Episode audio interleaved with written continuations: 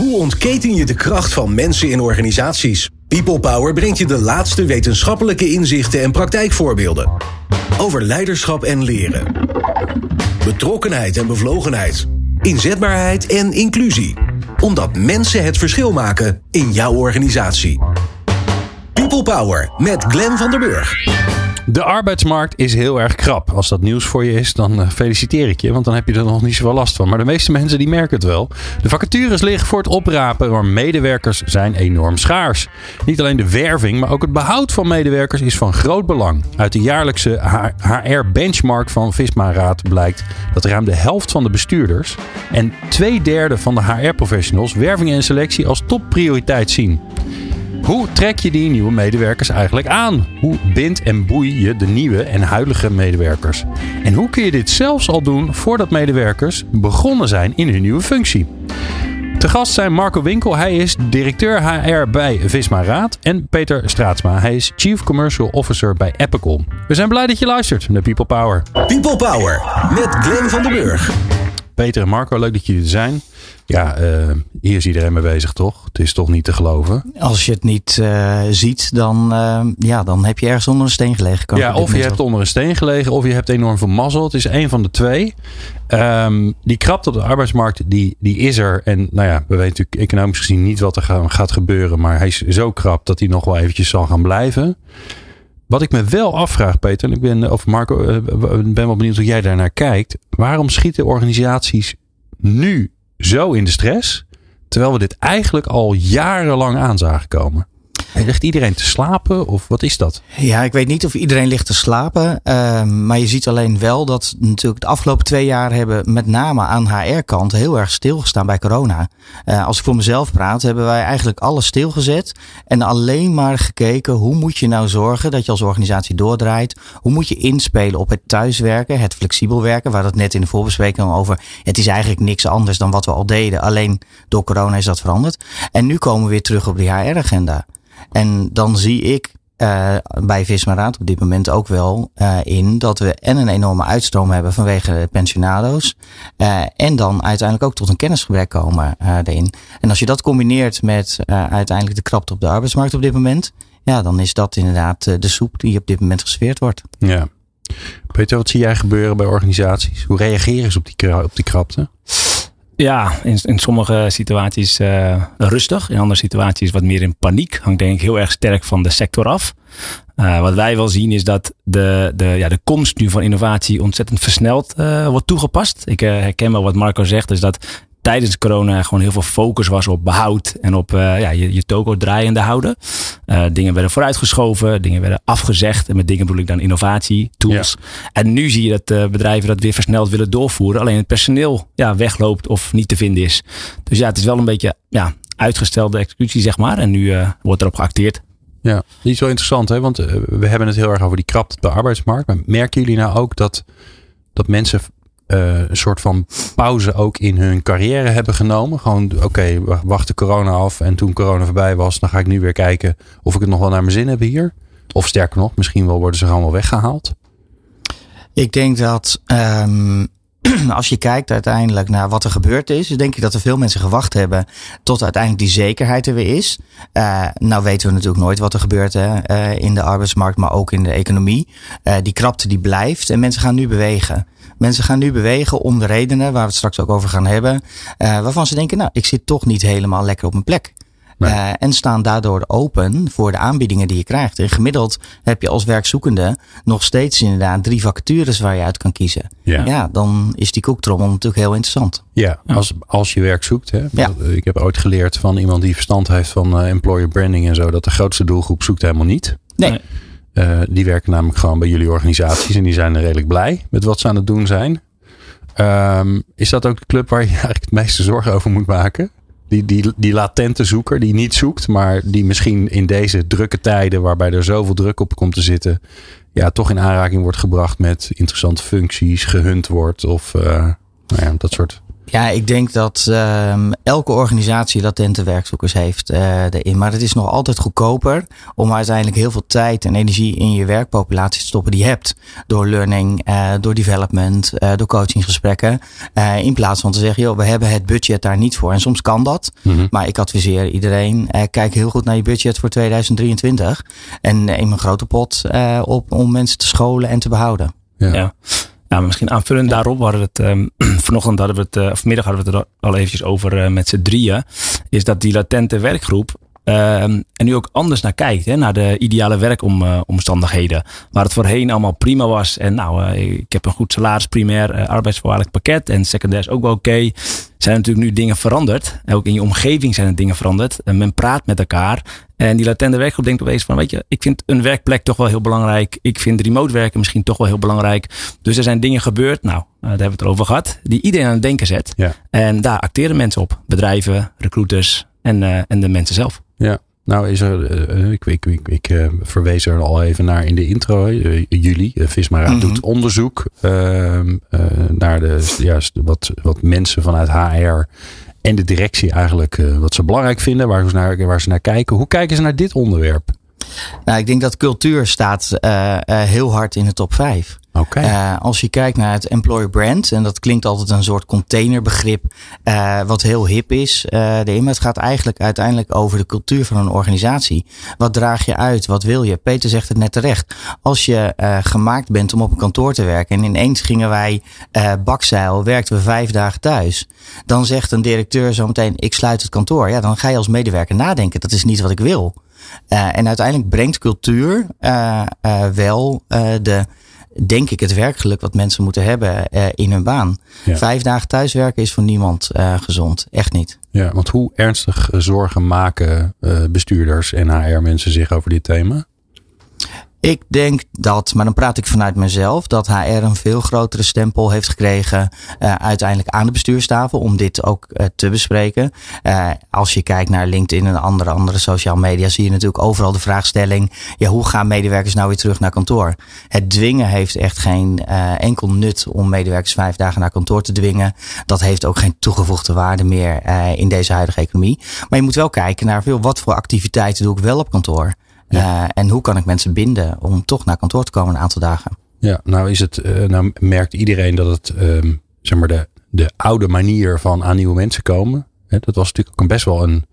Ik vond, ik vond de, de commercial van Randstad daar wel heel leuk in. Die dat eigenlijk omgedraaid hebben. Hè? Wat, wat gelijk als een soort van kolderiek eruit ziet. Waarin je directeuren, managers ziet die gaan solliciteren bij één uh, sollicitant. Hè? Wat die normaal een sollicitant zou zijn. Maar eigenlijk is het proces omgedraaid in die commercial. Maar dat ziet er dan heel kolderiek uit. Terwijl eigenlijk, hè, je zou ook kunnen zeggen, ja, de, de manier waarop we het gewend waren. We hebben een functie, we nodigen daar, uh, we gooien dat de wereld in. Dan komen er allerlei cv's en weet ik veel allemaal naar ons toe. Dat zijn er dan, weet ik veel, 10, 20 of 30, soms nog veel meer. En daar maken we een keuze in. Je kunt je natuurlijk afvragen of dat ooit een goed, een goed proces was. Ja, ik denk dat je dat altijd kan afvragen. Maar dat is denk ik ook de tijd uh, waarin we leven. Hè. Wij leven, uh, toen ik ging werken, waren de hele harde functiebeschrijvingen. Daar moest je aan voldoen. Uh, en als je daar niet aan voldoen werd, kwam je überhaupt niet door een selectie heen. tegenwoordig bij Visma werken wij met rollen. Okay. En veel minder met functies. Maar je hebt een bepaalde rol. En daar horen bepaalde taken en verantwoordelijkheden bij. En dat hebben we niet allemaal beschreven. Want jij weet drommels goed als je een junior, een medior of een senior medewerker bent. Wat je taken zijn. En wij werken ook niet op die manier. Ik geloof er ook niet in dat je alles helemaal staccato neer moet zetten. Uh, ik geloof er wel in, en dat zie je ook wel terug in de media, dat elk individu is uniek. Dus kijk nou eens naar de kracht van een individu. En als je die nou laat, uh, ja, dat klinkt een beetje jeukerig exploderen, dan uh, denk ik wel dat je het maximale uh, eruit haalt. En ja, opleiding is, werkt zeker mee, maar uiteindelijk gaat het toch ook om de werkethos. Ja. ja, dat is super interessant, Mark, want dat wij daarin zien is, nou, je zegt je werkt met rollen. Wat wij heel veel terugzien is dat klanten in de, nou, in de onboarding uh, applicatie binnen Apple heel erg die, um, die doorkijk geven wat, ja, wat, wat je kan verwachten, maar ook wat jouw rol is in de organisatie en in de cultuur. In plaats van ik ben uh, finance manager, maar wat betekent dat? Hoe draag ik bij? En dat, dat vindt men steeds belangrijker dan ik heb een mooie titel en een goed salaris. Nee, maar hoe ga ik bijdragen? Hoe, ja, hoe pas ik in de organisatie? Ja. Waar ik het zo eh, heel uitgebreid met jullie over wil gaan hebben, want daar ligt volgens mij de kern in, is ehm, ehm, waar gaat het mis? Het is waar, op basis waarvan gaan mensen nou bij je weg? Want iedereen die, die je behoudt, die hoef je niet meer aan te nemen. Dat is heel simpel, eh, simpel bedacht. Ehm, en, en wat trekt dan aan? Dat is een beetje de andere kant van de medaille. En dat hoor je zo. Hoe ontketen je de kracht van mensen in organisaties? People Power. Ja, we zijn bij het hoe, of bij hoe aanbeland. We zijn ook vooral aanbeland. Maar laten we eerst maar eens even gaan kijken bij. Wat, wat weten we eigenlijk van ehm, eh, de reden waarom mensen eh, niet zouden blijven? Marco. Nou, dat is een hele klassieke reden. En die is helaas nog actueel. Dus ze gaan weg vanwege hun manager. Echt waar, joh? Ja. Nog steeds? Nog steeds. Ondanks alle eh, dat we allemaal scrummen met z'n allen en dat we enorm eh, zelfsturend zijn, is dat nog steeds een van de Dat belangrijkste is redenen. nog steeds de belangrijkste reden waardoor een medewerker zegt: joh, er wordt niet naar mij geluisterd. eh, ik kan niet verder. Mijn groei wordt tegengehouden. Nou, en dan eh, En sta je gebeurt- open. Ja, ja, oké. En dat gebeurt nog steeds, helaas. Oké, wat ik andere interessante vind, want dat is, dat is ook zo'n de golfbeweging van de afgelopen jaren geweest, dat we heel erg zo'n purpose golf over ons heen is gegaan. Van, eh, waar, waar doe ik het eigenlijk allemaal voor? Eh, dus eh, voor mij fase 1 was, eh, ik doe het voor heel voor geld, dus geef me meer geld. Maar daar zijn we van achter gekomen, dat werkt maar een klein beetje en heel kort. En toen kwam natuurlijk, eh, ik wil me ontwikkelen en ik wil leuk werk hebben, ik wil naar mijn zin hebben. En nu, ja, nu moet het ergens toe leiden, want we hebben natuurlijk problemen in de wereld, dus die willen we oplossen. Maakt dat dan nog veel uit? Hebben de oliemaatschappijen een probleem en eh, eh, zijn de, de groene energiebedrijven hebben die het makkelijker? Ja, dat, dat hangt een beetje van de leeftijdscategorie af waar medewerkers eh, in zitten daarin. Geld blijft nog steeds natuurlijk een primaire levensbehoefte waar medewerkers behoefte aan hebben.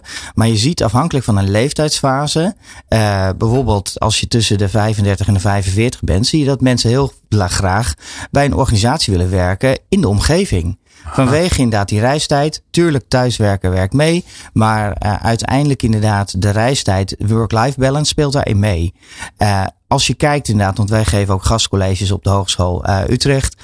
heb ik een heel mooi verhaal over de purpose, social return gegeven. En dat was het antwoord van inderdaad onze startende werknemers. Is dit alles? Eh, wat je doet. En terwijl wij heel blij zijn en denken van nou, eh, we doen al heel veel. En zij verwachten veel meer eh, Oh, daarin. Maar ik denk wel dat bij Shell of bij inderdaad een andere organisatie zeker meespeelt. Wat is het imago van je organisatie? Ja. Social return, diversiteit, dat zijn echt de onderwerpen die zeker nu, maar ook 2023 op de agenda blijven staan. Ja, ja, dus als je werkt aan je, aan je diversity en inclusion in je organisatie, dat is natuurlijk in zichzelf heel belangrijk. Hè? Eh, het is belangrijk omdat het goed is voor je organisatie, maar het is dus, je bent dus eigenlijk stiekem ook aan je employer branding bezig. Je werkt heel hard aan je employer branding. En uh, Vismaraat is niet alleen in Nederland actief. Wij hebben meerdere locaties waar onze medewerkers zitten. En wij meten elke maand uh, hoe het zit inderdaad met onze employee engagement. En de best lopende teams zijn de teams die het meest divers zijn. Zowel qua cultuur als inderdaad man-vrouw verhouding. Kijk. Dat zijn onze topteams. Ik kan niet vaak gezegd, eh, als je een beetje vaak luistert naar People Power, dan heb je dit wel eens gehoord, maar je, toch kan je het niet vaak genoeg horen. En het mooie is natuurlijk dat jullie het heel erg, eh, bedoel, jullie zijn een grote organisatie, maar relatief micro me- meten. Ja. Wij, Ja. mij- wij meten het heel micro. En ik denk zeker dat het meehelpt. Hè. Ik las vandaag op LinkedIn dat een grote consulting firm negen nieuwe partners eh, heeft aangesteld. Eén vrouw. Ja. Ja. Ja, en dan staat er waarschijnlijk niet eh, dat iedereen eh, dat applaudisseert. Maar die Nee. krijgen daar redelijk bad press op. Ja. ja. Ja. dat kan gewoon echt niet meer. Ik heb laatst een, een opdracht niet gekregen. Eh, Omdat ik een man was. Vond ik wel. En ik heb ze Dat- daarop gefeliciteerd. Ik zei, nou, dat lijkt me een uitstekende keuze.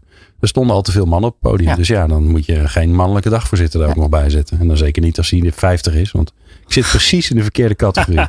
ja. We hebben bijna medelijden met je. Nou, ik heb werk genoeg. Dus ik ben, eh, weet je, dus ik vond je niet ik inderdaad vond, te lobbyen. Ik vond, Ja. ik vond het jammer, maar ik vond vooral belangrijk dat ze het, Ja. eh, Ja. eh, dat ze het gedaan hadden.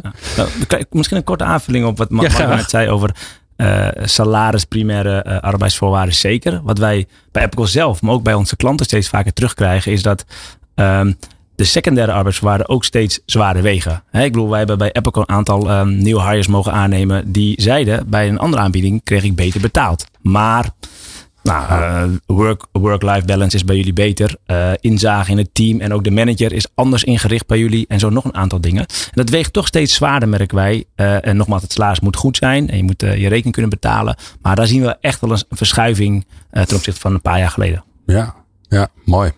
Nou, daar ben ik wel heel, daar, daar, gaan we zo in, hè? Want jullie zitten natuurlijk met Epical heel erg op de, op de, op de onboarding. Dus ja. uh, als je nieuwe mensen hebt gekregen. Um, eerst maar even naar die, want ik noemde hem net stiekem al die employer branding. Dat is een prachtige gevleugelde term. Als jij nou moet uitleggen, Marco, wat het is. Wat is dat dan? Ja, het is niet één ding. Uh, het is niet alleen een label wat je ergens op plakt waarom mensen ergens willen werken, maar het is een samenspeel uh, van uh, cultuur. hoe is je organisatie ingericht? De sfeer met name. Wat is de marktnaam erin? En wat doe je er zelf aan om uiteindelijk te zorgen dat je een aantrekkelijke werkgever bent? En dat doe je eigenlijk door gewoon je organisatie te runnen zoals je dat doet. Zorg voor inderdaad een goede sfeer, leuke activiteiten op kantoor. Dat hoeven niet altijd borrels te zijn, kunnen ook gewoon hele goede inhoud inhoudelijke evenementen zijn. Ja. Uh, wij bieden bijvoorbeeld bewust onze vitaliteitsevenementen altijd aan op kantoor. Uh, omdat we het belangrijk vinden dat we die uh, evenementen fysiek doen, maar ook om met elkaar te connecten. En dat heeft natuurlijk corona wel geleerd. Kantoor heeft een andere dimensie gekregen uh, daarin. Dus het employer brand bouwen, dat gaat het beste met je eigen medewerkers. Ja, ja terwijl het klinkt, hè, maar ik denk dat het woord door het woord branding komt. Het klinkt alsof we gaan een mooie campagne doen en, uh, Abri-posters. En we gaan uh, op social media allemaal leuke dingen doen. En dan zorgen dat het er gelikt uitziet. Betekent dan dat dat het niet is? Moet je dat dan niet doen? Nee, dat moet je zeker doen. En uh, ook daarin is het eigenlijk niet nieuw. Een van mijn eerste directeuren zei altijd: HR is marketing en marketing is HR daarin. En ook dat is al twintig jaar geleden. Uh, maar toch zie je dat nog steeds inderdaad van toepassing zijn. Als je dat inderdaad gewoon goed vermarkt. En dat moet je doen in de hele keten. Hè. Laten we dat voorop stellen. Daarom uh, ben ik ook heel blij inderdaad met Peter in onze Visma familie. maar dat is wel, je doet het vanaf onboarding tot en met offboarding. Dat is de keten. En als die keten goed loopt. Uh, hoe groot je ook bent, elke organisatie kan dat faciliteren. Uh, ook 15 medewerkers. Ja, nou kan ik me voorstellen dat onze luisteraars denken: ja, dat is leuk. Dan gaan we employer branding doen. We hebben nu mensen nodig. Uh, maar als ik zelf nadenk over de sfeer en zelf denk over hoe de collega's op een verjaardagsfeestje staan te vertellen over hoe hun werk is, dan vraag ik me af of ze een blij verhaal vertellen. Want ja, de sfeer is een beetje gespannen. Hier en daar een manager die, hmm, nou, hè, die, eh, die zorgt een beetje dat mensen angstig worden in plaats van uh, blij. En, dus wat zou je tegen die mensen zeggen? Nou, meten is weten. Uh, okay. Daarin, laten we daarmee beginnen. Uh, uiteindelijk meet inderdaad je employee engagement, want daarin komen hele verrassende effecten. En ik snap inderdaad dat het best veel werk is, maar het geeft je ook heel veel nieuwe inzichten. En als ik kijk inderdaad bij Visma Raad, halen wij denk ik twee derde of een derde van onze nieuwe werving komt via referral uh, campagnes. En dat betekent dat we inderdaad echt feitelijk continu in onze organisatie zeggen, joh, weet je iemand, ken je iemand uiteindelijk die bij ons zou willen werken daarin. En twee derde zijn new hires daarin. Ja. Maar referral campagne werkt echt. Maar dan moet je wel zorgen dat je weet hoe loopt een organisatie intern, hoe is het met je cultuur, hoe is het met de sfeer. Ja, en uiteindelijk heel simpel, practice what you preach. Ja, ja en, ik, en dan denk ik ook, ja, uh, je gaat mensen referralen, als dat een woord is, als je het zelf naar je zin hebt. Yep. Want anders ga je ja. dat niet doen. Je gaat niet tegen je vrienden zeggen, kom hier werken, want ik vind het ook stom. Dan heb je natuurlijk geen verhaal. Nee, dan heb je zeker geen verhaal en dan komt ook echt niemand op af. Wat is de, wat is de belangrijkste knop waar je aan moet draaien? Dus om, om te zorgen dat, hè, want het zijn natuurlijk allemaal grote woorden. Hè? Het is cultuur en het is ja. engagement. Het zijn allemaal van die ontastbare dingen. Wat kan je doen? Uh, misschien nog, een, nog, nog een ontastbaar woord, uh, wat wij veel gebruiken en terugzien uh, in het Engels helaas, maar is belonging. Ze willen graag ergens bij horen. Ja. ze willen impact genereren. wij, wij wij adviseren onze klanten ook altijd om een, een 100 dagen plan. Klinkt misschien heel ouderwets, maar uh, geef nou heel duidelijk aan hoe ze kunnen gaan, hoe, hoe, ze kunnen bijdragen in de eerste 30, 60 en dan de 100 dagen. Uh, want als je dat niet doet en je laat ze, nou, eigenlijk, eigenlijk zwemmen, ja. Uh, ja, ja, raak je ze kwijt. Uh, kijken ze om zich heen, onbewust of bewust. Uh, dus ze willen heel graag weten waar hoor ik bij, waar pas ik in het geheel ja. uh, en wat, wat, wat doet het bedrijf waarvoor ik kom werken. Hoeft niet altijd iets heel erg MVO's te zijn, maar wel gewoon wat lossen we op en, en hoe draag ik daaraan bij. Ja, ja erbij horen is dus belangrijk. Ja. Ja. ja. Dus, dus, dus ik vind dat wel mooi. Feestjes. Inhoudelijk of, uh, Inhoudelijk of, of fysiek. Of... fysiek uh, leuk, hè? Ja. De bijhoren, zoals Peter zegt. Ook uh, uiteindelijk inderdaad, mijn, mijn leider heeft echt oog voor mij. Dus ja. ja, ontwijk de moeilijke vraag niet. Hoe moeilijk die ook is. Uh, je kan hem bespreekbaar maken. En dat heeft corona natuurlijk ook geleerd. Hè? Voorheen zaten we altijd, zoals we hier in de studio zaten, één op één. En dan gingen we in een hokje zitten. En in sommige gevallen deden we nog de luxeflex dicht. En dan gingen we vragen, hoe gaat het met je? Ja. Tegenwoordig zie je gelukkig bij heel veel organisaties uh, dat ze zeggen, nou we gaan lekker buiten lopen. Uh, daarin. Of vorige week sprak ik inderdaad met mijn collega's van ASR. Daar hebben ze waterfietsen. Er zit een hele mooie vijver, hebben ze waterfietsen. Die fietsen zijn continu volgeboekt. Te grappig. Dat is te grappig, maar wel inderdaad het moment dat je op een ander meer met elkaar de dialoog uh, aangaat. En de vraag is uiteindelijk, ja, moet je er niet vanuit gaan uh, dat alle mensen gewoon functioneren in je organisatie? En als het niet zo is, dan weten ze het eigenlijk zelf ook wel. Ja, ja. Ja, ja en Marco, jij zegt het al, hè? want aan het begin zei je die leidinggevende is super belangrijk. Nu zeg je eigenlijk die leidinggevende is, is belangrijk omdat hij omdat hij die lifeline is van die medewerker. Hè, die moet dat contact uh, onderhouden. En die moet uh, regelmatig vragen: hoe gaat het eigenlijk met je? Hoe doe jij dat als, als HR-verantwoordelijke? Want je hebt niet al die leidinggevenden aan een touwtje dat je nu zegt: oké, nu jongens, nu springen. Nu allemaal even zorgen dat je, dat je gewoon op een hele menselijke, vriendelijke, empathische manier een gesprek aangaat. Nee, dat zou wel heel fijn zijn als we een knop hadden dat we zeiden ja, inderdaad, ja. Uh, Jump. We, we, springen massaal uh, daarin. Nee, wat ik net al zei inderdaad, door het meten uh, weten wij uiteindelijk ook van joh, wat is uiteindelijk de employee engagement per team. maar wij meten ook uiteindelijk hoe doet een manager het nou. En daar zie je vaak wel de correlatie in. En op het moment inderdaad dat dat niet zo is, dan zullen wij als HR daar gaan faciliteren. om te kijken van hoe kunnen wij nou die manager helpen om wel te zorgen dat hij daarin gaat groeien ja. uh, daarin. Want gelukkige medewerkers. Ja, en hoe is... doe je dat dan? Hè? Want stel je voor, een meting gedaan. Dit team scoort gewoon veel, veel lager engagement, alarmbellen.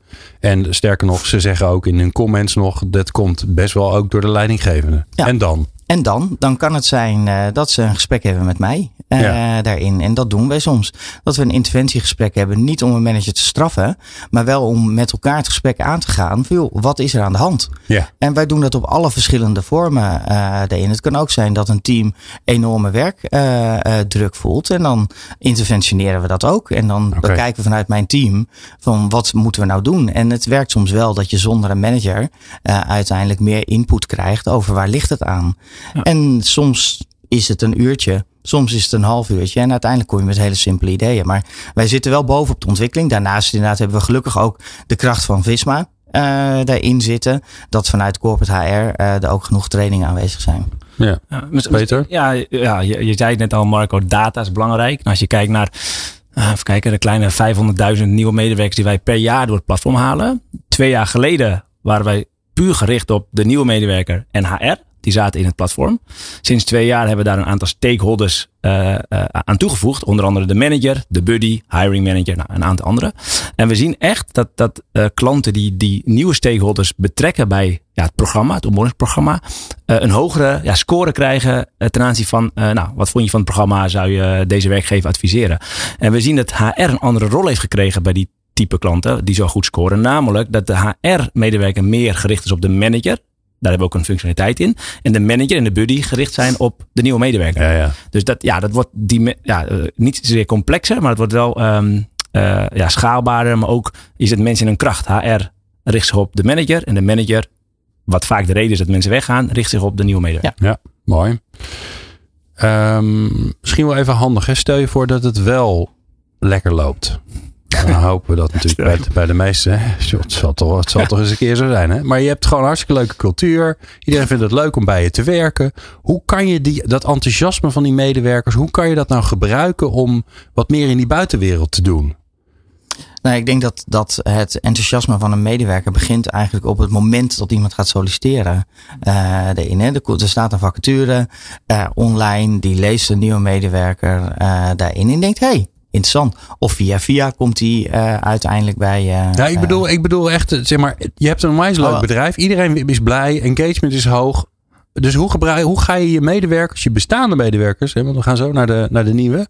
Uh, hoe, hoe ga je je bestaande medewerkers gebruiken om, om naar buiten te gaan? Om te vertellen over hoe leuk het is. Om enthousiast dingen op LinkedIn te delen, terwijl ze dat misschien niet gewend zijn.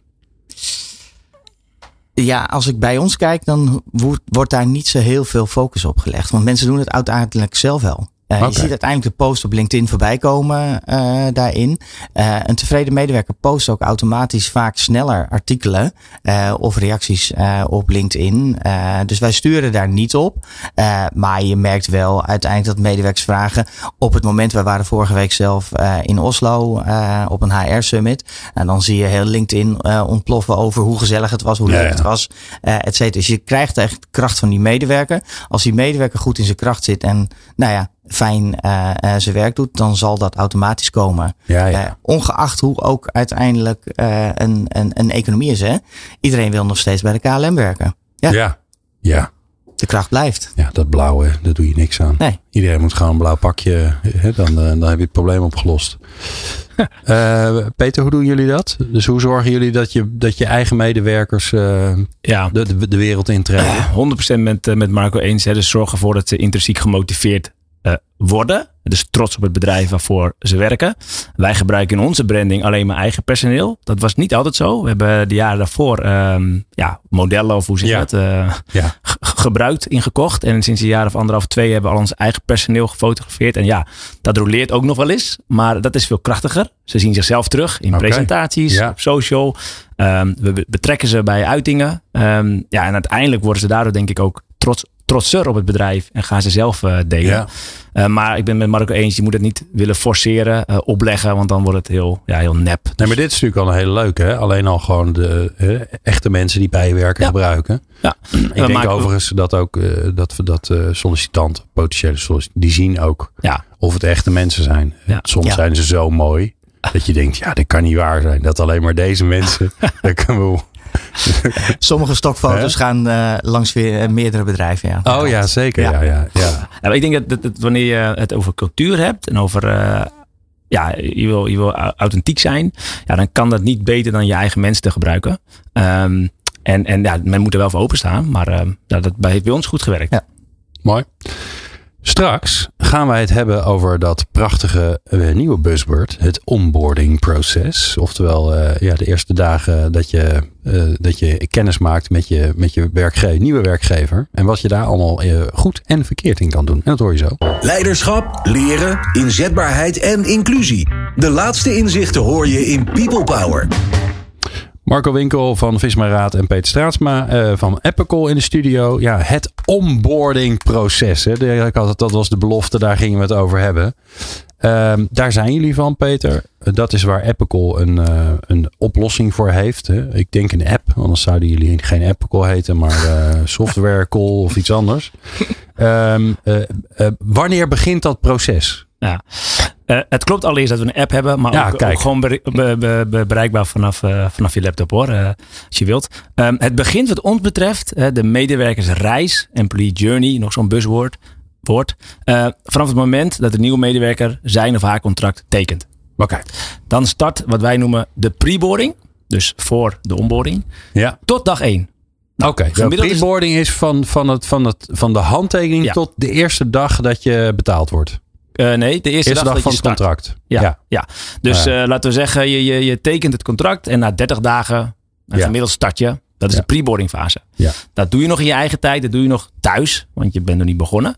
Ehm, maar het is dan een hele belangrijke fase waar wij zien in ons platform dat, nou, by far, bijna 90% plus, 90% plus van de medewerkers door het platform gaan. Dan ben je ook het meest enthousiast. Want anders zou je, je, je bent het geworden, hoera. Ja. Hè? Ja. Eh, tenminste, zolang we nog solliciteren en er meerdere kandidaten zijn, ben je het geworden, ben je blij. Ja. Bent u mega enthousiast. Ja. En meestal komt dan het grote gat, toch? Want dan gebeurt er helemaal niks. Ja, heel eerlijk. Ik, ik, ik zelf werk bij Epicon nu een jaar of eh, acht. Eh, ja, en daarvoor eh, is Epicon twee jaar geleden opgericht. Dus we doen nu tien jaar. Als je kijkt naar vijf jaar geleden, voor het gemak, was preboarding eigenlijk nog niet aan de orde. Het werd gedaan vanaf dag één. Je kwam binnen, door Ja. de deur. En je kreeg nou, van allerlei dingen. Een welkomstpakket en een rondleiding. Nou, toen begon het feest. De laatste jaren zien we dat echt wel verschuiven. Of niet echt wel, maar helemaal verschuiven naar preboarding. Dus je tekent je contract. Je zit hoog in je energie. Je bent in je omgeving aan het praten van ik ga naar Visma Raad. Of ik Ja. ga bij Epicon werken. Ehm, Wat ga je doen? wat ga je doen? Geen idee. Wat ga je betekenen? Ik weet het ook niet. Wie is je, ja, dat hele verhaal. Wie zijn je collega's? Geen Ja, idee. Het is zelfs als je een reis boekt hè, over naar de zomervakantie, over eh, twee maanden eh, naar Griekenland. Je hebt hem geboekt. Eh, je krijgt de bevestiging binnen. In dit geval vaak een rekening, maar goed, eh, iets van een bevestiging. En dan ga je op onderzoek uit. D-reizen stuurt je al dingen op. Eh, Google weet je ook al te vinden. Nou, dat is eigenlijk wat wij ook doen. Ja. Om mensen aligned Ja, en daar eh, zeggen de geluksprofessoren van... Hè, je moet je reis altijd zo lang voor, mogelijk van tevoren boeken. Want de voorpret Ja. is bijna net zo groot als de pret als je er bent. En daar zit ook de grootste winst. Niet alleen voor de nieuwe medewerker, maar ook zeker voor het bedrijf. Die eh, jou bindt. En, en een hele belangrijke fase niet kwijtraakt. Nou, daar gaan we het vast ook nog wel even over hebben. Marco heeft er nog heel veel data over volgens mij. Dat, dat je in die eerste fase eh, eh, moet voorkomen dat je mensen kwijtraakt. Want nou, Ja. eh, ik heb het net ook al gehoord. Mensen vervangen is altijd nog duurder dan mensen opnieuw vinden. Maar even die preboarding, die maken we even af. Wat, want ik kan me voorstellen, als je het niet doet, dan is de kans dat je mensen kwijtraakt misschien niet zo groot. Maar je kunt wel dat, dat enthousiasme kun je hoog houden, toch? Ja. En die nieuwsgierigheid. Dus wat, wat stop je dan in die preboarding fase? Wat geef je mensen? Ja, je, je geeft ze een aantal dingen. En Je geeft ze inzage in wat ze kunnen verwachten. Je geeft ze ehm, eh, de tools om de connectie te maken met hun. Nou, eh, Maar wat ze kunnen verwachten, hoe ziet het kantoor eruit? Waar ga je straks lunchen? Eh, wie wordt je baas? Wat zijn je collega's? Ik noem maar Ja. een paar vragen. Ja, Dat soort dingen. Wij hangen het op aan, aan, het, aan het 6C-model. Die ga ik Tuurlijk. besparen. maar maar een, aantal van die C's zijn bijvoorbeeld cultuur. Dus je legt ze uit wat voor cultuur ze kunnen verwachten. Dresscode. eh, wordt Oh. er lunch verzorgd? Wa- Waar kan ik parkeren? Maar een ander is ook clarification. Dus, dus je schept verwachting wat hij of zij kan bijdragen. En als je al die dingen niet doet, dan belanden ze in het zwarte gat waar je het net over had. En Ja. kunnen ze om zich heen gaan kijken. Bewust of zorg headhunt. eh en, eh, en ze zijn weg. Ja, ja ik ik vind bijvoorbeeld zoiets praktisch als de dresscode. Is al Ja. natuurlijk al, hè, want dan kom je de eerste dag, denk je nou, ik doe mijn pak aan. Ja. En dan kom je binnen en dan denk je, oh shit, dit had ik niet moeten doen. Dat voorkom je ermee dus. een voorbeeld. Het lijkt een echt een open deur, maar dat wordt heel vaak gebruikt. Ja. gewoon, gewoon mensen inzage geven in hoe ze kunnen eh, eh, floreren, maar ook hoe ze eh, onderdeel kunnen worden van waar ze zo meteen komen te werken. Ja. Nou, dan komt dus de boarding. De onboarding, De ja. onboarding. Ja, je moet wel even scherp blijven met de terminologie. Waarom is dat zo'n belangrijke periode? Nou, dat is uiteindelijk natuurlijk die periode als je inderdaad zegt, inderdaad, want wij gaan nu ook Apple gebruiken om die reden. Eh, daarin deels ook omdat in de oude situatie voor corona hadden we elke maand een onboarding. Eh, en dan lieten we mensen, waren op kantoor, eh, stopten we twee dagen in een zaaltje en gingen we ze helemaal vol stampen met informatie. Ja, en leukigheid. En toch? leukigheid, Ja. borreltje, bitterbal. En uiteindelijk zeiden we na twee dagen en succes. Ja, toen kwamen we door corona en toen hadden we opeens inderdaad een uitdaging. En daarvan hebben we nu gezegd inderdaad eigenlijk alle informatie die je van tevoren al kan lezen, die je tot je kan nemen, dat kan je allemaal thuis doen. En dan heb je uiteindelijk de onboarding zoals wij het ingericht hebben, gaat inderdaad over de cultuur. Gaat over elkaar leren kennen. Ja. Gaat over elkaar eh, eh, onderzoeken van wie zijn mijn peers, eh, maar ook veel, wat wordt er van mij verwacht? daarin. En ja, die periode is niet één dag. Die periode is over het algemeen tussen de 30 en de 60 dagen, eh, afhankelijk van een organisatie. En als je dat verkeerd doet, dan zullen mensen na 60 dagen denken van, nou, oké, dit was hem niet eh, voor mij. En dan gaan ze echt niet gelijk weg. Maar binnen een jaar zal je zien inderdaad dat medewerkers vertrokken zijn. Dus mocht je daar nog steeds inderdaad twijfels hebben, uit je analyse blijkt, nou een jaar zijn ze weg. Ja, kijk dan eerst eens naar je onboarding. Heb je dat goed ingericht? eh, daarin? Ja, ja, want we, we- weten we daar iets over? Kijk, jullie allebei, maar weten we iets over het belang van die eerste periode? Dus zeg maar de eerste ervaringen? Ja, eh, ja wat, Peter? wat, wat wij aanhouden, het verschilt sterk eh, eh, qua organisatie, qua sector, zelfs per land. Maar wat wij aanhouden is dat een nieuwe medewerker in de eerste 45 dagen, bewust of onbewust, een keuze maakt. Ga ik hier lang blijven werken? Dus ga ik hier een jaar of langer blijven werken, wat Marco net aangaf? Of ga ik onbewust hè, op zoek naar andere dingen? Of ga ik bewust ehm, eh, op zoek naar andere dingen? Dus die eerste 45 dagen tot 60 dagen, ja, die zijn cruciaal voor een werkgever. Maar ook heel belangrijk voor een werknemer. Die houdt zeker tegenwoordig zijn ogen en oren open van ja, is dit het nou echt? En is het dan ook omdat je, je, je, je hebt verwachtingen, dus je gaat je verwachtingen checken. Maar ik kan me ook voorstellen, dus je bent ook nog, je hebt geen ervaringen. Dus, die, dus alle eerste ervaringen, die komen misschien ook harder binnen dan dat je denkt. Als je, als je negen goede ervaringen hebt gehad en de tiende is niet zo goed, dan denk je nou oké. maar als de eerste niet goed is, Ja, je, wij zeggen ook altijd, je krijgt uh, geen tweede kans om een eerste indruk achter te laten. Ja, dat begint uh, al natuurlijk bij, de, bij, de, bij het recruitment stuk. Hè. Daar begint het al. Maar ten aanzien van onboarding is het al in de preboarding. Dus je tekent je contract. Je bent super enthousiast. Wat je vervolgens doet, Ja. ja, dat, is, dat is cruciaal. Ja, Ja, dat, bloemen, hè, bloemen sturen. onder ja, andere. bloemen sturen en dan wacht je twee maanden. En dan, eh, ja, dan zijn ze verwelkt. En dan is de, manager, Ja. de manager is er dan niet op dag één. Dat hebben we allemaal wel eens meegemaakt of gehoord. Ja. Oh, je begint vandaag. Uh, ja, Ja, want wat zijn dan wat zijn de, de, de dingen waar mensen op afknappen? Oftewel, wat heb je te regelen? Ja, nou dat, dat is meerledig. Maar onder andere wat wij merken is dat ze graag gezien willen worden. Hè, dus uh, alleen een bloemetje sturen is leuk. Maar wat we ook vaak zien is dat we uitvragen in de app uh, wat je hobby's zijn. Uh, en dat, dat je de hobby's vervolgens koppelt aan dag één. Dus dat kunnen uh, sportschoenen zijn als je het budget hebt. Of het kan een, een, een bioscoopvoucher zijn als iemand graag naar de film gaat. Dus maak het persoonlijk. Waar ze op afknappen is als je de traditionele dingen doet. Waar mensen denken van ja, dat is niet persoonlijk gemaakt voor mij. Um, en het wordt uitdagend dat je dus nu ook niet altijd naar kantoor komt. Dus houd ook rekening met de eerste werkdag die ook thuis kan zijn. En als je als manager ja. zegt, ja, ik ben op kantoor, maar je bent er niet. Ja, ik heb aangegeven dat ik mijn eerste werkdag thuis werk. Dus, dus doe ook echt wat met de data die je verzamelt. Mede dankzij Apple komen ook andere tools. Uh, als je daar niks mee doet, ja, dan backfire het. En Hmm. kan je net zo goed ja, niks doen. Kan je beter niks doen. Nee. Ja. dus het is ook, als je verwachtingen schept, moet je, Ja. moet je ze nakomen. Hey, en alle, ehm, ja, alle, alle basisdingen, want ik probeer maar even te, te, te bedenken wanneer ik ooit eens een keer eh, ben begonnen. Maar dat is wel heel lang geleden ondertussen. Het is natuurlijk best wel een eh, spannend moment. Absoluut. Je kent niemand. Ehm, je, je weet niet hoe, hoe alles werkt. Je hebt ook niks. Hè? Dus je, je moet een toegangspasje hebben. Je moet een laptop hebben of een computer hebben. Een bureau hebben. Ja. Dat soort dingen. Hè? Waarvan je zegt, ja, is een beetje triviaal misschien hè, natuurlijk. Hoe belangrijk is dat eigenlijk? Ja, dat, dat zijn wat, wat ons betreft de hygiënefactoren. Die Ja. moeten 100% goed zijn. De laptop moet er gewoon zijn. eh, het pasje moet werken. Je e-mail moet werken. De hygiënefactoren moeten staan. Dat is Ja. echt de basis. Als je Ja, maar gaat wel eens mis, Peter. Kan gebeuren, toch? Tuurlijk, maar dan maar heb wat ik doet het met mensen? Ja, dan, heb, dan val ik dus weer terug op de eerste indruk. Die krijg je er heel lastig uit. Ja. En mensen komen thuis en eh, er is heel veel interesse. Hoe was je eerste dag? Ja, nou, Nou, dat is echt drama. Ja, dat Ja. is heel lastig om je te ik herstellen. heb een half uur bij de, bij de receptie gestaan, want ik kon er niet in. ja, Dat dat is, stond niet op de lijst. dat is 100% een gemiste kans. Want als je kijkt naar werving en selectie, heb je daar heel veel tijd en geld aan besteed om die persoon het talent te vinden. En dan, en dan sla je zo de plank mis door eh, wellicht zoiets kleins. Ja, maar ik- het, het kan een beetje klinken, Marco, als verwend gedrag.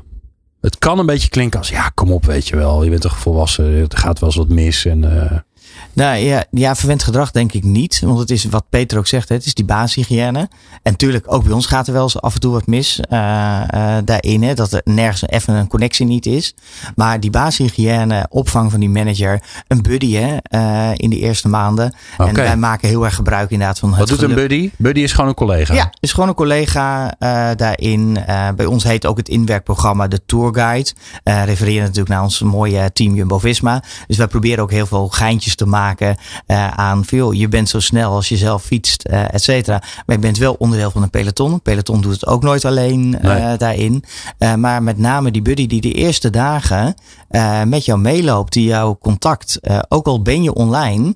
Want dat gebeurt hè. We hebben niet meer eh 30 dagen inwerkprogramma's fysiek op kantoor. Dus je zit vaak na twee of drie dagen eh, toch Zit je thuis. weer thuis, ja. En dan moet je die connectie hebben. En dan is het heel fijn als er iemand is die nou, ik zit even ergens mee, ik kan het even niet vinden.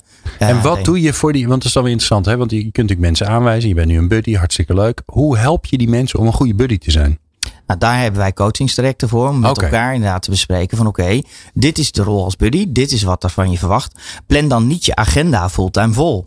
eh ja. Want er is niks vervelender als je een buddy wil bellen. Ja, sorry, ik heb nu geen Nee, tijd. sorry, ik heb de hele dag Ja. Teams meetings eh, back-to-back. Dus, en, ja, eh, dus stuur maar een chat. Ik bel je aan het eind van de avond. Ja, dat werkt ook niet. Nee. Nee, dus wij proberen dat wel te faciliteren. En het is gelukkig ook bij ons niet zo dat we er 40 per maand hebben.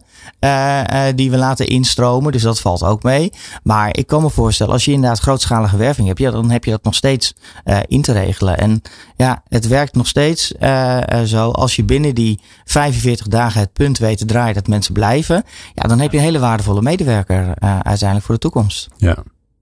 En, en, en om dat aan te vullen, Marco, wij zien echt een verschil in een buddy, een manager en een hiring manager. Dus die hebben allemaal een rol, of recruiter, allemaal een rol gehad in het aantrekken en het, het dadelijk ook behouden van die, uh, van die nieuwe medewerker. En als je gewoon heel goed aangeeft wat ieders rol is. De buddy is veel meer een, een, uh, een sparringspartner. Uh, die, die, die vertelt waar je naartoe moet. Die, ja, welke zijn er lekker. De ja. manager die wil je ook niet heel lastigvallen met die vragen. Want dan denk je, ik ga niet de derde keer een, een domme vraag stellen. Dus als je die rollen heel duidelijk, nou je zei het al Marco, rollen heel duidelijk hebt beschreven. En ook intern aangeeft, jongens, deze rollen zoeken we nog. Zul je zien, althans dat merken wij, dat de mensen opstaan. Hey, ik, ik, ik, Leuk om te doen. Ja, ik voel ja. affiniteit met deze rol. Uh, ja, wil ik graag aan bijdragen. Hm. Nou. Ja. Als je een leuke cultuur. Als je, ja, kom je cultuur als je hebt, inderdaad, ja. als je inderdaad uitvraagt, jongens, we gaan uh, werken met buddies. Wie wil de buddy zijn? En niemand wil buddy zijn. Dan heb, weet je ook dat je een probleem ja, hebt. Maar, maar onderschat niet wat cultuur betekent. Hè? Want je, uh, Marco gaf net aan uh, peloton en, uh, en uh, tourguide. Allemaal de link natuurlijk naar, ja, ons team, naar team. Visma. Maar dat is volgens mij ook de onderdeel, of onderdeel van, van de cultuur van Visma. Een sportgedreven en ja, cultuur die jullie hebben. En dat lijkt dus wel terugkomen in, in de onboarding. Nou, we hadden vorige week, en dat was echt een super mooi moment, uh, dat we teruggaan naar kantoor. En ook wij hebben bezoekersparkeerplaatsen uh, daarin.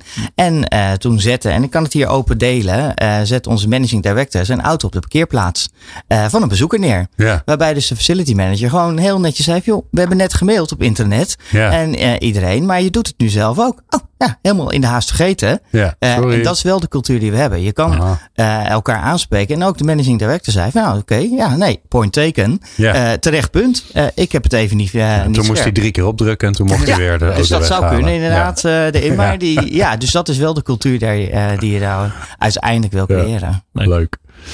Hey, um, als laatste wil ik eigenlijk um, iedereen op pad sturen met iets wat hij kan doen.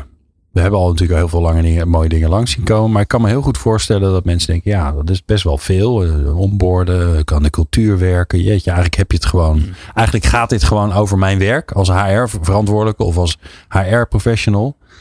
Als je nou, um, laten we die onboarding maar eens even nemen, want daar zijn we natuurlijk geëindigd. Als je nou aan de slag wil gaan met je onboarding en je weet gewoon dat je daar werk te verzetten hebt. Wat, wat zou jullie advies zijn om, om een start te maken? Ja, nou, Goeie vraag. Um, wat wij in uh, elk onboardingstraject doen, is uh, een recent hire betrekken. Hè, om het onboardingsprogramma. Oh, recent, uh, ja, oké. Okay. net ja, ja. aangenomen, sorry, net aangenomen nieuwe medewerker te betrekken. Dus om, om je vraag te beantwoorden, wat ik dan zou doen als organisatie, is de mensen die je recentelijk hebt aangenomen, uit te vragen door middel van een survey. Uh, wat heb je nou gemist? Uh, wat had beter gekund? Wat moeten we vooral niet veranderen? Uh, misschien wat linkjes geven naar, nou, naar andere oplossingen of andere uh, bedrijven doen, die, die het anders doen. En die data gebruiken om volgens je, je onboarding aan te passen. Met het linkje naar je eventueel aangepaste uh, ja, ja, werkbeleid. Want mensen werken dus nu deels thuis, deels op kantoor. Dat is echt anders dan twee jaar geleden. Ja. En ik zie bedrijven nog hetzelfde onboardingsprogramma neerleggen van voor corona. En dat Ja. past vaak gewoon niet. Ja. Dus vraag uit, uh, gebruik data en uh, adapt of pas aan. Ja, dat is een mooie. Ja, en ik vind dat beeld wel mooi. Het is je eerste dag. Hartelijk gefeliciteerd. En Ja. je werkt thuis. Ja, dat, dat, Dat is gek, toch? Ja, Ja. dat voel, voel je aan alle kanten. Dat je denkt, ja, wat ga je dan doen? Echt Krijg je dan droom je dus. laptop opgestuurd en doe je thuis Ja. je computer open? Ja, nee. Ja. Toch? En dat gebeurt wel. Dus dat. En Ja. als je inderdaad echt tijd hebt, ja, kijk inderdaad naar die data. Hè, die Peter zegt, kijk eens naar wat er instroomt. Ja. Inderdaad, wij hebben dat laatst ook gedaan uh, in de coronaperiode. En we dachten dat we heel veel jonge mensen, uh, jonge medewerkers aantrokken. Maar uiteindelijk is onze doelgroep tussen de 35 en de 45. Aha. Uh, met een cirkel van, nou ja, uh, 30, 40 kilometer om Amersfoort heen. Dus dat is heel interessant, want dat geeft je ook wervingsinzichten. Hm. Om uiteindelijk een recruitmentstrategie op door te gaan. Mooi. Ja, het meest simpele is gewoon, behoud die medewerkers Ja. besteed daar aandacht aan. Want dat ja, is en, wa- 30 en dat, is, dat is een mooie, maar daar, daar kun je 5 Ja. miljard dingen. Wat zou, waarvan zou jij zeggen, kijk daarnaar? Want dat is, een, dat is een echt een goede knop om aan te draaien. Nou, kijk, daar is denk ik te lang om daar nu een hele lijst inderdaad voor aan te gaan. Ik, ik noem Ja. het altijd inderdaad het oprechte gesprek. Ga met die medewerkers in gesprek. Kijk wat ze, wat ze energie geven en wat ze uiteindelijk zouden willen ontwikkelen. Ehm, en dat hoef je echt niet vast te leggen in, in hele grote doelstellinggesprekken. Die cyclus die we allemaal denk ik nog wel kennen uit ons verleden. Eh, waarvan je Hm. dacht, ja, waarom zitten we hier? Want dat hebben we allemaal al besproken. Ja. Maar ga gewoon met je medewerker in gesprek. En hou die connectie en uh, kijk waar op dat moment de behoefte aan is. Uh, ja, dat is wel mooi. En eigenlijk zeggen jullie dat allebei. Hè? Want uh, Peter, jij zegt praat met diegene die je net hebt aangenomen. En kijk dan samen naar dat onboardingsproces. Of vraag, ja. vraag het uit met een survey. Hè? Natuurlijk, het is ook prima als je, als je 15 medewerkers hebt. heeft het niet zoveel zin. Maar als je een groot bedrijf hebt, ja, dan, dan zou ik dat zeker doen. En eigenlijk zeg jij hetzelfde, Marco. Ja. De, de, de wijsheid zit gewoon bij de collega's. De wijsheid zit bij de collega's. Daar worden we een beetje door gestimuleerd. Hè? Uh, door de wetgeving op 1 augustus. Waarbij ook het recht van de medewerkers, en dat klinkt altijd een beetje zwaar, scholingsrecht is. Uh, maar ik denk echt dat als HR zijn je dat moet omarmen. Zorg ervoor dat je medewerkers behoudt en laat ze leren. Mooi. Um, als jij nou geïnteresseerd bent in um, het onderzoek van uh, Vismaraad, dan kun je dat volgens mij gewoon downloaden van de website. Ja, en dan uh, Peter weet waar, of uh, Marco weet waar je naartoe moet. Ja, je gaat naar www.vismaraad.nl en dan kom je vanzelf uit op de benchmarker. uiteraard kan je hem aanvragen, stuur hem op. Maar we proberen zoveel mogelijk bomen te voorkomen. Dus Goed. digitaal zijn Lekker online is het kijken. beste. Hartstikke goed.